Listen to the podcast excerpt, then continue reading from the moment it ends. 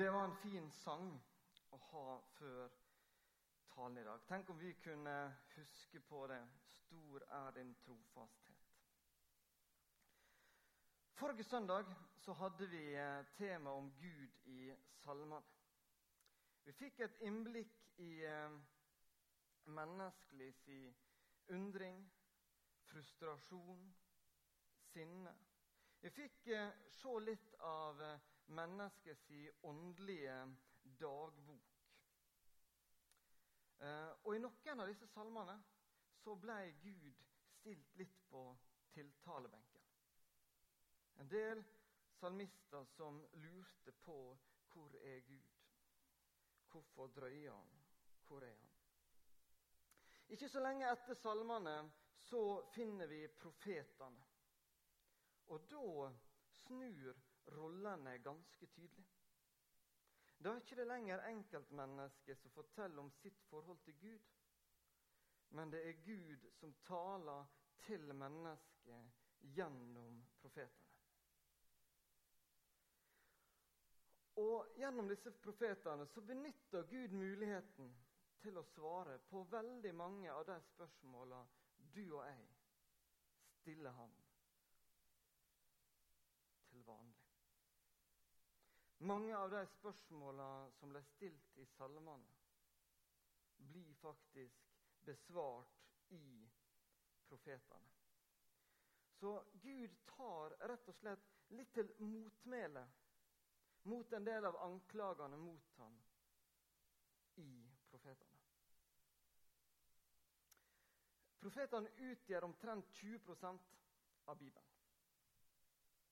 Og jeg vil tro at hvis vi hadde tatt og eh, kikka litt i biblene deres Hvis vi hadde sett eh, hva del som er mest sliten, så tror jeg at det fra salmene og fram til Det nye testamentet, der disse 17 profetene står, så tror jeg kanskje at bladene der er litt mindre krøllete. De er litt finere enn resten av Bibelen. Sjøl om en del av dere har lest mye, så tror jeg kanskje at uh, denne biten er litt mindre berørt. Kan ikke det stemme? Hva du sier Per? Jeg tror at det gjelder mange av oss. Men en viktig grunn til at vi bruker en del av denne våren til å snakke om Gud i Gamle testamentet, er fordi at jeg har lyst til å motivere til mer lesing av Det gamle testamentet. Det er ikke slik at det antall sider lest i Bibelen om dagen, eller antall bibelvers vi kan utenat, det er ikke det som gir oss billett til himmelen. Men denne delen her av Bibelen er viktig å kjenne til og bruke litt tid på for vårt eget forhold til Gud. Jeg traff en person for en stund siden som ikke går i noen kristen sammenheng. Han fortalte meg han kunne to bibelvers. Han kunne Jeremia 29,11, og han kunne Johannes 3,16. Jeremia 29,11, altså en, et bibelvers fra eh, profetene. Det kunne han. Og jeg tenker at Vi kan fort ha et litt samme forhold til noen av profetene som vi kan ha til salmene. At det er noen enkeltvers vi kan. Det er noen ting vi har lært, noen vers som kan være fine, som kan være til god trøst, som kan være til oppmuntring. Og det er flott å kunne dem. Kanskje noen av dere sitter nå i konfirmasjonstider og skrevet nettopp Jeremia 29, 11 og Sefania 3, 17 til mange konfirmanter.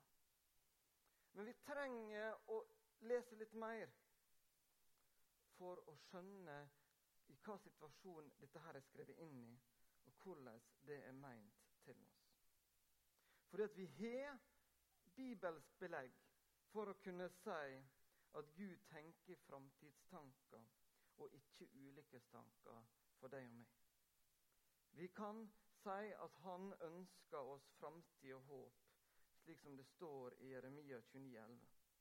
Samtidig så er dette bibelverset skrevet inn i en veldig spesiell situasjon. Til noen spesielle mennesker. Og kanskje er det slik at hvis vi har vært en Jesu disippel i 30-40 år, så burde vi eh, finne ut om hvordan dette her henger sammen. Kanskje vi skal ta og sjekke litt det når vi kommer hjem igjen, om, litt om det bibelverset. For vi kommer ikke til å bruke mer tid på det akkurat nå. Jeg vil si litt om ordet profet. Fordi at Kanskje én grunn til at vi ikke bruker så mye tid på disse profetene, det er at vi har lett for å tenke om profetier, at dette her handler om ting som er langt fram i tid. Det er usikkert. Kanskje eh, har vi hørt at det er noen bibelvers profet, hos profetene som er vanskelig å forstå. Det blir noen bilder som kanskje er litt vanskelig å forstå sånn med en gang. Og så lar vi dette fort ligge. Men hvis vi bruker tid på profetene, så ser vi at det er ikke et riktig bilde. Profet betyr seer. Og det aller meste av profetene det handler om at Gud forteller noe til sitt folk som omhandler deres nåtid. Gud ønsker å fortelle dem noe om hva som skjer akkurat nå. Det er noen som han har gitt noe som gjør at de kan tolke samtida bedre og fortelle mennesker hva de nå bør gjøre.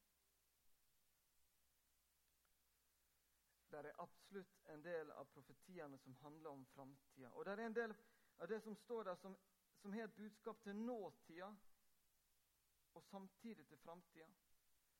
Men det er viktig for meg å si at det er mye i profetene som handler om en nåtid. At det rett og slett først og fremst handler om hvordan vi mennesker skal oppføre oss, reagere, tenke om verden akkurat nå. Jeg tror at vi trenger det også i vårt samfunn. Jeg tror at vi trenger slike mennesker i dag som kan hjelpe oss til å se på nåtida, og som kan holde det sammen med Guds ord og snakke om hvordan bør vi forholde oss til Bibelen i dag. Hva tror vi at Gud forteller oss akkurat i dag? Hvordan bør vi nå handle? hos Daniel og Esekiel f.eks. så kan vi finne noen profetier som handler om ting som fortsatt kanskje langt foran oss i tid.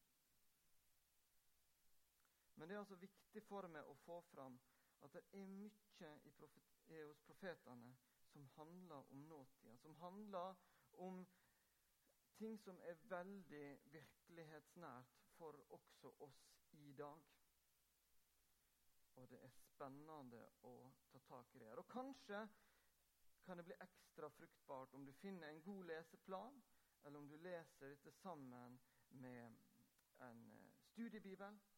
Kanskje du også kan klare å se sammenhengen mellom profetene og kongebøkene, Samuelsbøkene, og se ting fra flere vinkler.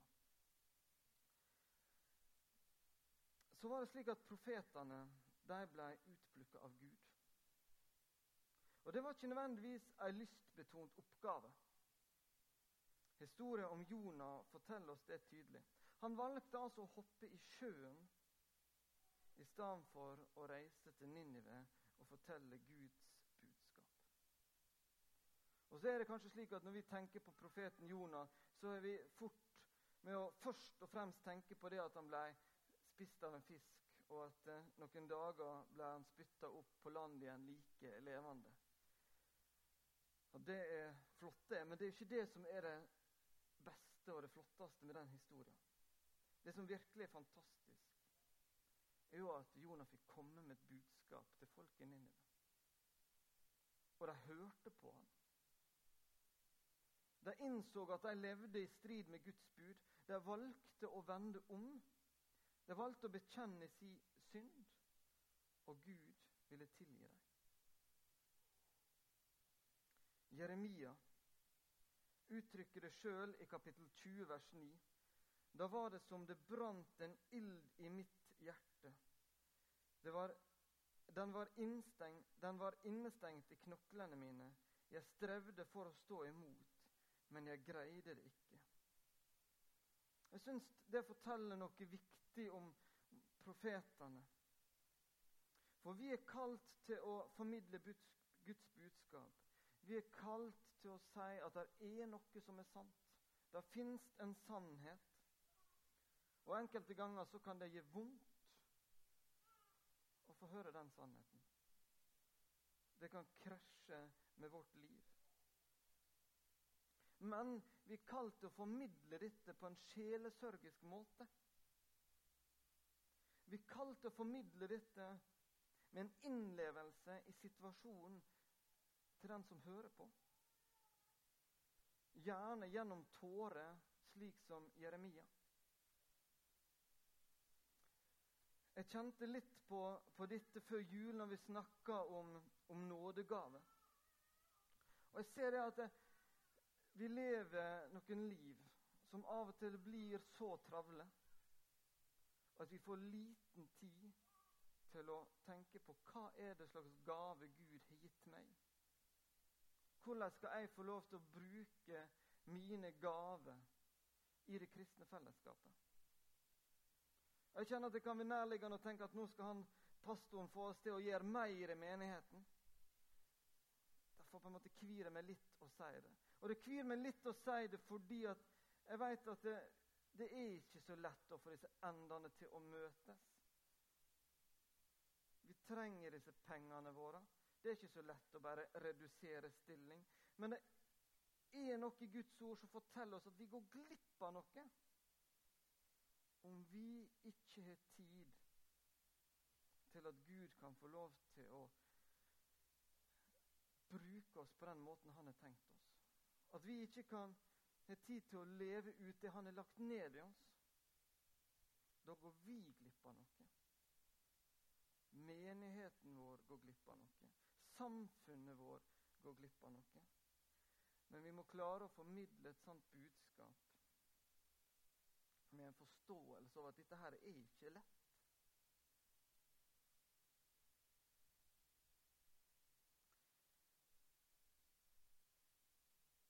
Lyst til å si litt om Guds personlighet. For som jeg var inne på innledningsvis, hvorfor svarer ikke Gud? Hvorfor griper ikke Han inn i den situasjonen jeg tenker på? Det er et spørsmål som vi ofte stiller oss. Jeg kan ikke garantere at etter å ha lest um, profetene, så vil du sitte der og kjenne at jo, der fikk jeg det svaret jeg leita etter. Men jeg har lyst til å sitere Philip Jensi på noe. Jeg siterte han en del denne våren.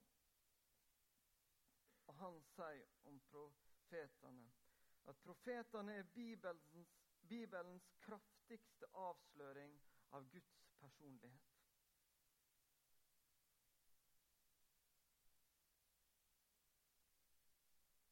Vi kan lære mye om Gud gjennom disse profetene. Og deler av dem har en språkbruk som jeg faktisk har stussa på flere ganger. Jeg er en som stort sett ikke har problemer med å snakke om en del tema som kanskje andre rødmer litt av å snakke om. Men jeg kjenner faktisk at i profetene så er det budskap som jeg kjenner at det, det krever litt å stå og si.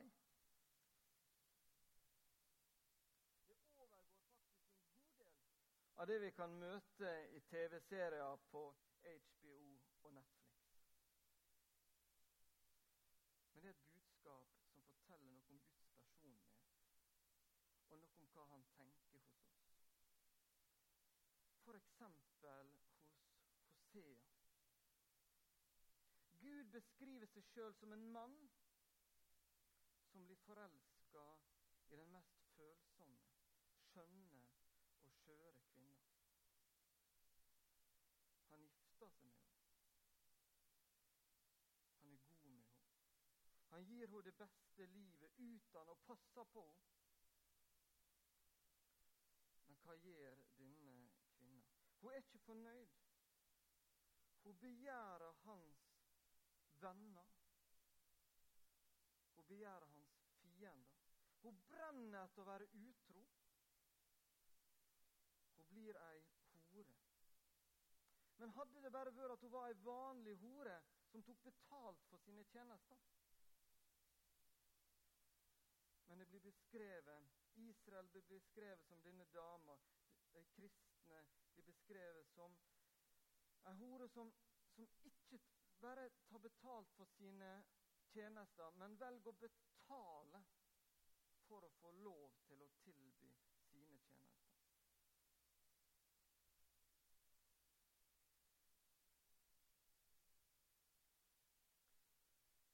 Men denne mannen han går an å kjøpe henne tilbake. Gjør henne rein, steller med henne på beste måte. Men det går ikke lenge før hun stikker av igjen. For hun bare elsker å stille seg fram og tilby sine tjenester og betale mennesket for å bli utro med dem.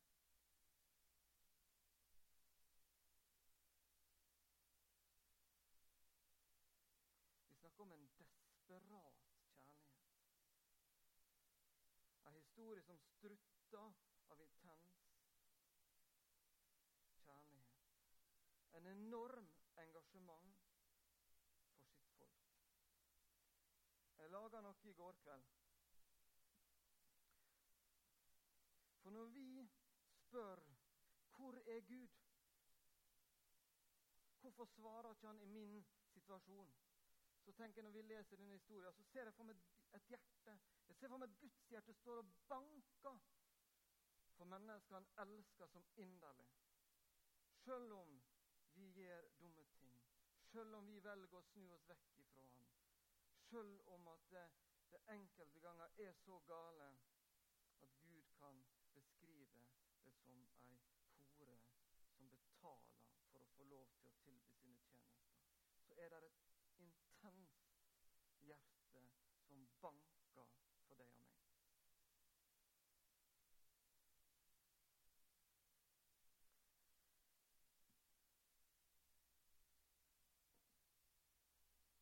Gud bruker noen sterke og drøye bilder.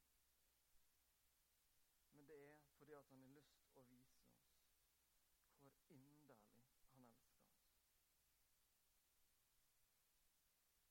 Allikevel så skal vi få lov til, sånn som jeg sa forrige søndag Av og til lurer på hvorfor han ikke svarer. Han gir oss rom også for det.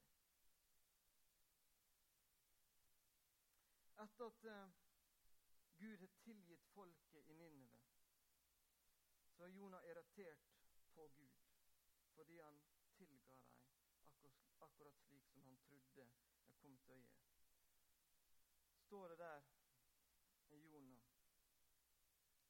Var det ikke det jeg sa da jeg var i mitt eget land? Derfor ville jeg skynde meg og flykte til Tarsis. For jeg vet at du er en nådig og barmhjertig Gud. Du er sen på vrede og rik på miskunn, så du angrer ulykken. Jeg kjenner det at når jeg sitter og leser i profetene, så møter jeg dette budskapet mange ganger.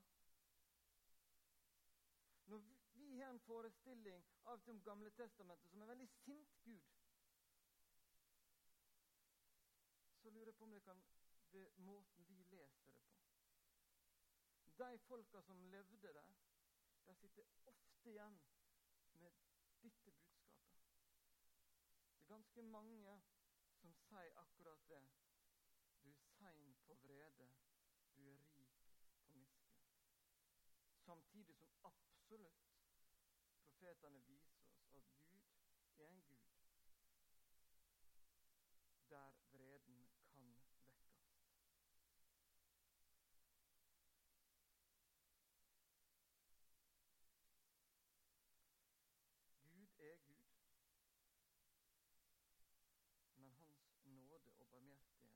Gud strekker seg mye lenger enn hans vrede. Det viser profetene.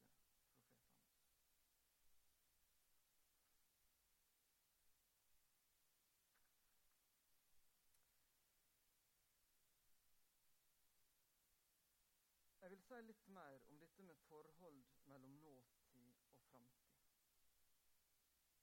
Som jeg sa i stad, så har profetene ofte et budskap til nåtida. Men også et budskap om framtid. En del mennesker bruker mye tid på å tolke akkurat disse framtidsbildene. Allerede kort tid inn i vår tidsregning så begynte mennesket å bruke bibelsitat og rekne ut når tid de trodde at Jesus skulle komme tilbake. Det har vi brukt mye tid på å tenke rundt på dette her. Hva hadde Tyskland på starten av 1940-tallet og si for når skulle Jesus komme igjen? Hva har samling av EU å gjøre med når Jesus skal komme igjen? Og hva har IS å si inn i denne situasjonen? Jeg har lyst å oppfordre oss til å være ydmyke i møte med disse bildene. For hvis vi ser tilbake på historien og de løfter som Gud allerede har oppfylt, så kan vi vi kan se tilbake på disse tingene som er oppfylt, og tenke at hvorfor forsto ikke de det? Men det var ganske mange av de som levde den gangen, som ikke forsto det. De som levde på Jesu tid, forventa at Jesus skulle komme, bli en konge over Midtøsten, jage romerne hjem. Men det var ikke det som kom. Det kom noe mye større. Det kom en som ville skape frihet og rettferdighet over hele verden. Så jeg tenker at vi skal være litt ydmyke. For jeg tror kanskje at Gud han har tenkt å innfri sine løfter på en måte som sprenger alle våre skjema. Alle våre rammer ser jeg for meg at han har tenkt til å sprenge. Skal vi heller bruke tida vår, konsentrere oss om det at Gud faktisk er trufast. Jeg skal lese et sitat til av Philip Jensi. Tidligere hadde jeg gått til profetene for å få nøkler til fremtiden, til senere og mye senere. Vil en atomkrig gjøre ende på verden? Er global oppvarming et forvarsel om de siste dager? Men deres budskap om fremtiden skulle heller bety noe for mitt liv nå.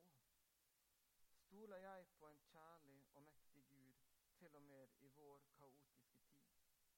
Klynger jeg meg til Guds visjon om fred og rettferdighet også når Kirken så ofte blir identifisert med krig og undertrykkelse? Tror jeg virkelig at Gud hersker, selv om denne verden viser så få tegn på det?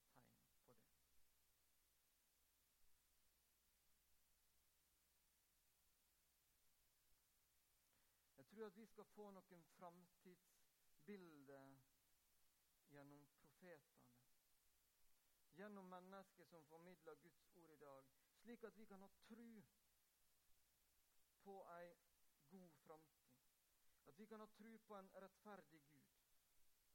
At akkurat 13. mai 2018 så skal vi tro at vi har en Gud som ønsker det beste for meg, for familien min, for menigheten vår framover.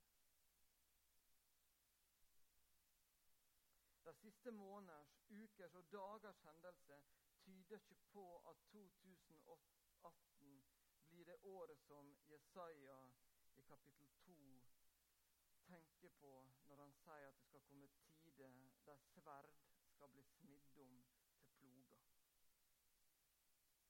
Men inn i vår kanskje truende verden så kan vi glede oss over det budskapet om at Guds rike det er kommet til vår jord og vi skal få lov til å formidle det.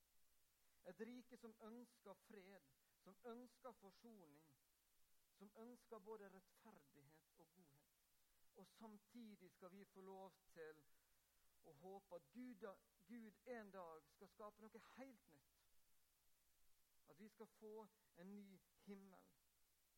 Siden Han har lovt oss det, så skal vi få lov til å tro det. Tenk om vi kunne tro at vi har å gir dem en kamp mot makta og myndigheter. Hvis vi kunne tro at Gud vil vise seg pålitelig til å sette i stand det som er gått galt. Og tenk at han ønsker å demonstrere lidenskap, rettferdighet, gjennom oss inn i denne verden. Da tenker jeg at profetenes budskap har fått noe svært viktig akkurat nå. Jeg er ikke sikker på at en lesning av profetene vil gi deg så mye klokere om hva som kommer til å skje i 2025 eller 2050. Men jeg tror at en lesning av profetene kan gjøre deg sikrere på at Gud ønsker å utrette noe i ditt liv i dag.